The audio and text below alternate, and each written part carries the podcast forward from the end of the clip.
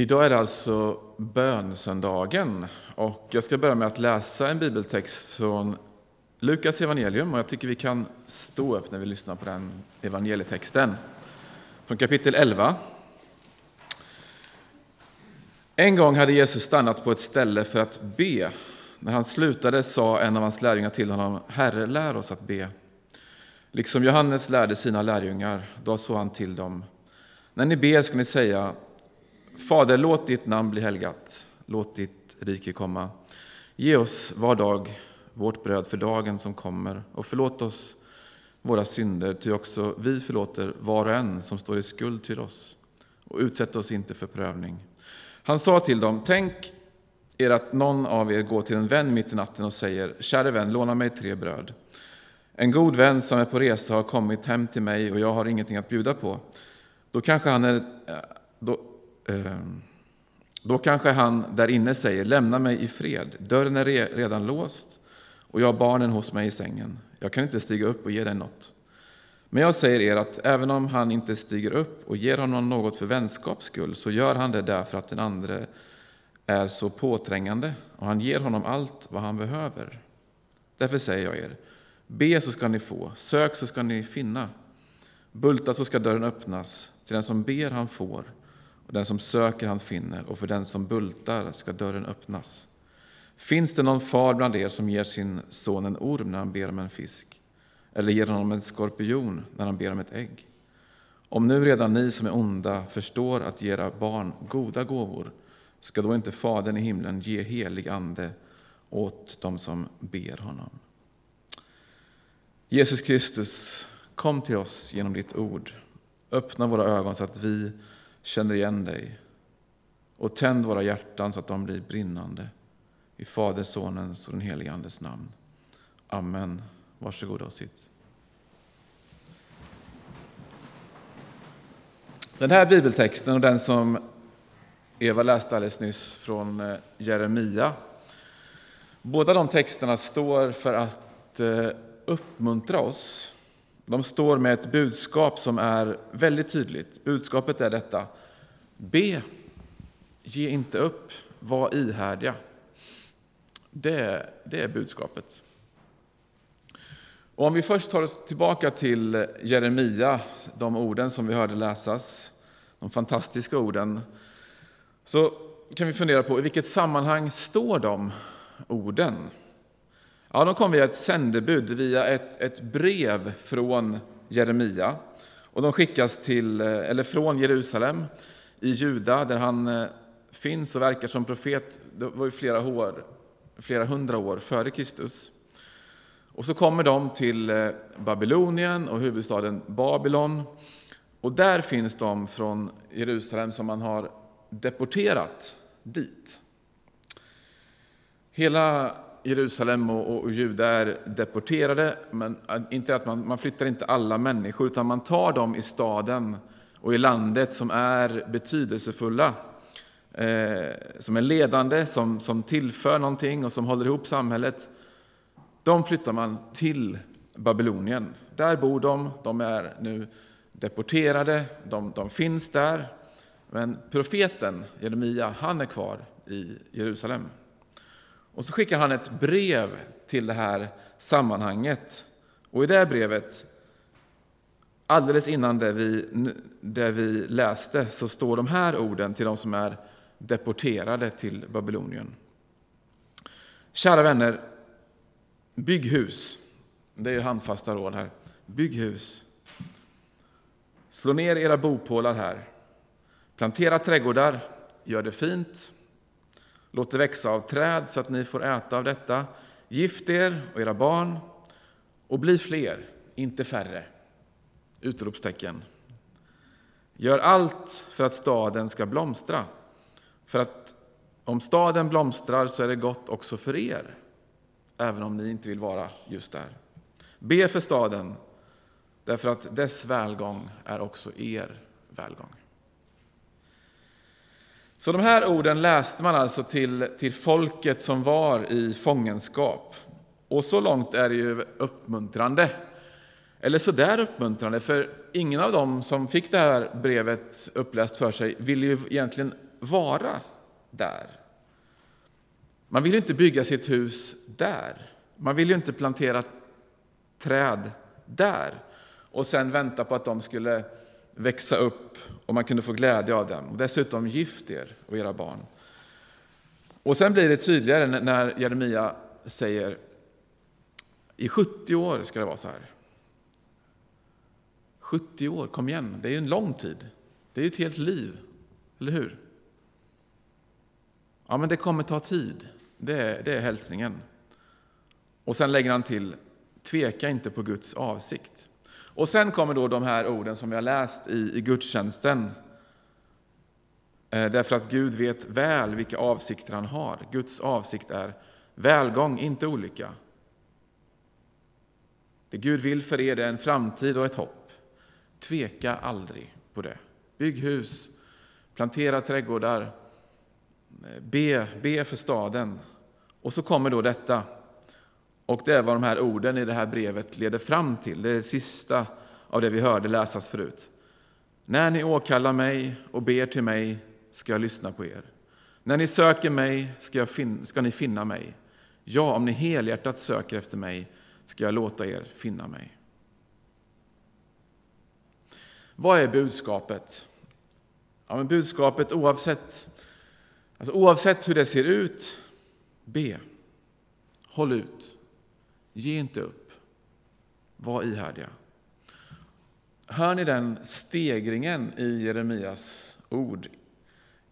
Intensifieringen, målmedvetenheten. Om ni ber så ska jag lyssna. Om ni söker mig så ska ni finna. Och om ni helhjärtat söker så ska jag låta er finna. Och Det är så att, som att Gud vill bygga in de här orden i sitt folk. Han vill att de ska få tag i detta, att de under inga omständigheter får ge upp på bönen.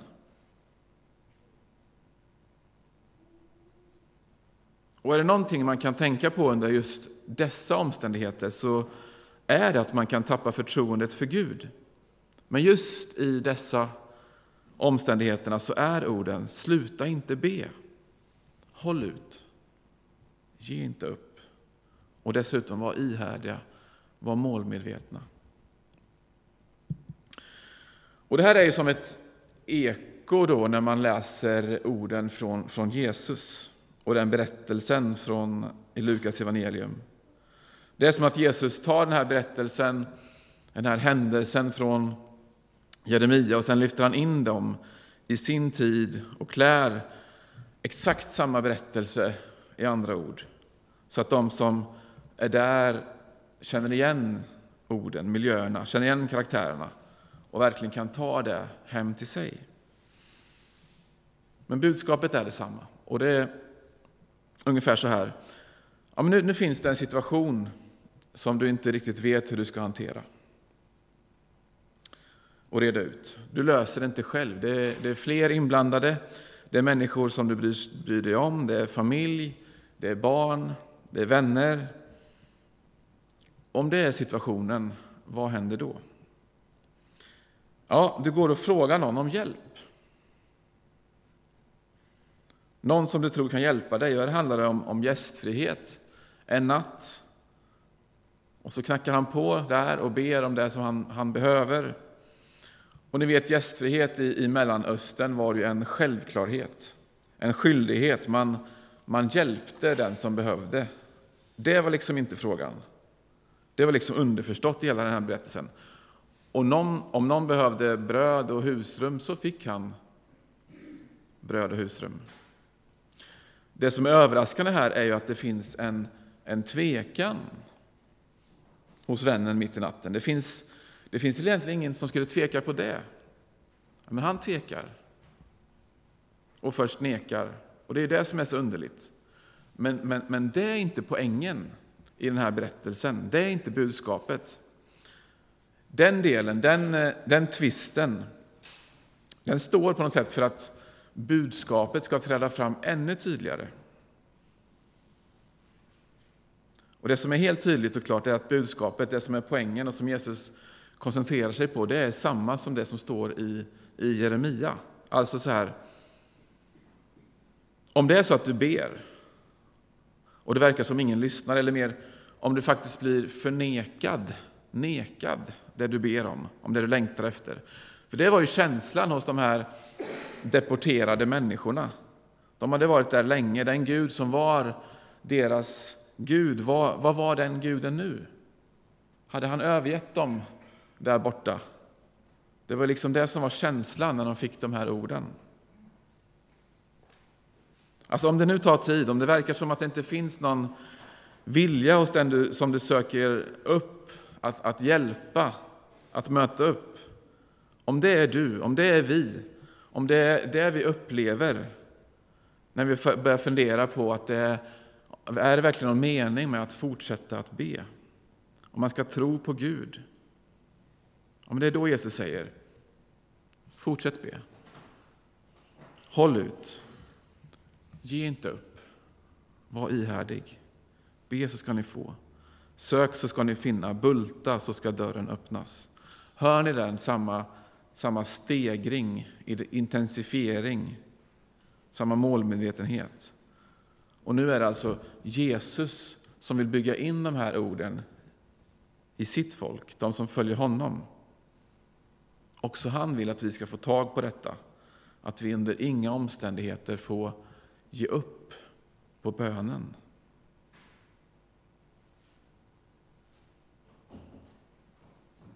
Och han berättar ju detta för att, just därför att han vet att är det någonting som det är lätt att ge upp på så är det just detta. Det är därför det står här, det är därför det är så tydligt och uttalat. Be, håll ut, ge inte upp, var ihärdiga. Vad är det då vi ska be om? Vad kan man be om? Och det kan ju skapa en osäkerhet. Vad är det de talar om här egentligen? Kan man be om precis vad som helst? Är det det det handlar om här? Ja, men I den här texten så säger Jesus någonting som jag tror är väldigt viktigt och vägledande när man ska be. Han säger så här. Eftersom den som knackar på, Eh, den som frågar och söker, den som kommer till sin vän mitt i natten, eftersom den är så påträngande så ger vännen honom det som han behöver. Och det tror jag är en mening att hänga fast vid här. Han får det som han behöver. Alltså vad kan vi be om? Ett, ett enkelt svar, ja, men du kan be om det som du behöver. Du kan be om allt det du behöver. Be om allt du behöver. Och vad är det du behöver? Det är nästa fråga. Och den frågan är inte helt enkel, eller, eller svaret. Det är inte säkert att man vet vad man behöver. Men jag tänker att den meningen är att det är en mening att hålla fast vid och att det blir en sund gallring i bönen. Det är lite som en, en vårstädning när man öppnar någon garderob eller sitt förråd och tänker, okej, okay, behöver jag verkligen det där? Det där har hängt med länge. Det där behöver jag verkligen inte. Det här kan jag städa undan, slänga, ge bort. Eller så upptäcker man, ja men det där, det där behöver jag. Det där är viktigt, det där ska vara här. Eller att ja, det är någonting som saknas här. Det är någonting som jag behöver komplettera med. Det där finns inte här, det skulle jag behöva. Alltså du kan be om allt du behöver. Ta med dig den meningen. Om det är någonting som du tar med dig från den här predikan, så ta med den meningen. Men det finns också två diken att hamna i här. Det finns ju alltid diken, eller hur? Eh, med en sån mening. Och det första är att, att någon kanske behöver precis hur mycket som helst. Det finns inga gränser vad en människa behöver. Det finns ingen gräns på vilken sorts välgång en människa kan behöva i sina egna ögon. Och så, och så ber man Gud om det. Det är ett dike. Och då tänker jag, i den hållningen, utan någon gräns, utan någon egen gallring, så, så riskerar du att göra Gud till ett medel för din egen framgång. Men Gud är inget medel. Gud är målet. Gud är alltid målet, också för vår bön. Och sen finns det ett annat dike och det går åt andra hållet. Det är när någon av oss tänker, ja men inte behöver jag någonting. I jämförelse med andra människor så har jag det bra. Vem är jag att överhuvudtaget be om någonting? Vem är jag att klaga? Se på den där. Och det är ju ett annat dike som jag tror är lika tokigt. Därför att det riskerar ju att förminska Gud. Du riskerar att göra Gud mindre intresserad av dig än han faktiskt är. Men tänk om det är så att Gud bryr sig om hela ditt liv. Och därför ska du inte liksom underskatta Gud och Guds omsorg. Alltså, tänk inte för lite om vad du behöver, utan uttryck för Gud det du tror att du behöver. Det är en sån grundhållning i bönen. Och när man går vägen däremellan, när man ber om det man behöver, eller det man tror att man behöver, så kan man vara trygg i att den yttersta gallringen, den gör inte vi. Den gör Gud. Och jag tror att han är bra på det. Det är liksom, det är liksom hans grej. Om det är någon som vet vad vi behöver så är det Gud. Så du kan uttrycka vad du behöver. Du kan vara trygg i att Gud vill ditt bästa. Det är det som möter oss i Jeremia, en Gud som vill välgång, inte olycka. Även om det tog 70 år så var det välgång, inte olycka. Även om det var en form som man kanske själv inte kunde tänka ut eller tycka var det helt optimala. Och ett helt fel tidsperspektiv. Vi vill ju ha allting nu, genast, på en gång. Så är det likväl så att Gud vill välgång, inte olycka. Han vill framtid och ett hopp. Och när Jesus själv beskriver Gud så låter det precis likadant. När han säger så här, finns det någon far bland er som ger sin son en orm när han ber om en fisk, eller ger honom en skorpion när han ber om ett ägg? Naturligtvis inte. Och sen kommer finalen som jag tycker är lite oväntad. Om nu redan ni som är onda förstår att ge era barn goda gåvor, ska då inte Fadern i himlen ge helig ande åt dem som ber honom? När jag läser det här så tänker jag, var kommer anden ifrån i den här texten? Visst är det lite konstigt? Det handlar mycket om saker i den här texten och så det sista man gör är att man slänger in anden. Det är ingen som har bett om anden. Inte i den här texten. Vad står det här för? Alltså jag tror att det här är jätte, jätteviktigt. Jag tror att det här är kärnan för den som ber, för den som håller ut, för den som inte ger upp, för den som är ihärdig. Ja, varför står det så här? Det kanske inte är så att den som ber om en fisk alltid får en fisk. Det kanske är så att den som ber om ett ägg inte alltid får ett ägg. Men du kan vara helt säker, det du kan vara helt säker på är att du inte får en orm eller en skorpion. Det är vad Jesus säger. Men det du får är bröd för dagen som du behöver. Och vi kanske inte ens vet vad vi behöver själva. Du kanske inte riktigt vet vad din längtan står för och kan sätta ord på djupare och känna. Men den Gud som vet vad du behöver ger dig vad du behöver. Och det är min enkla tro, att Gud inte är ett medel för vår tro. Gud är mer än så. Gud är alltid målet.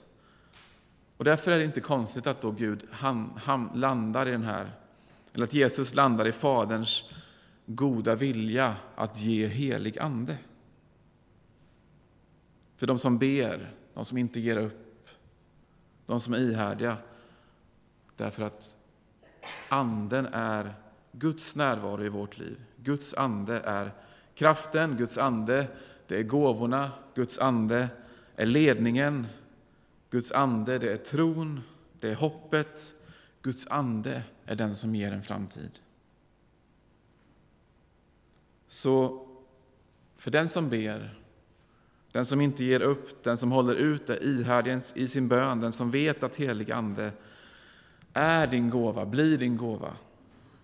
Guds kraft, Guds närvaro, Guds ledning, Guds glädje. Så därför, var frimodig, be. Be om allt du behöver, ge inte upp, var ihärdig.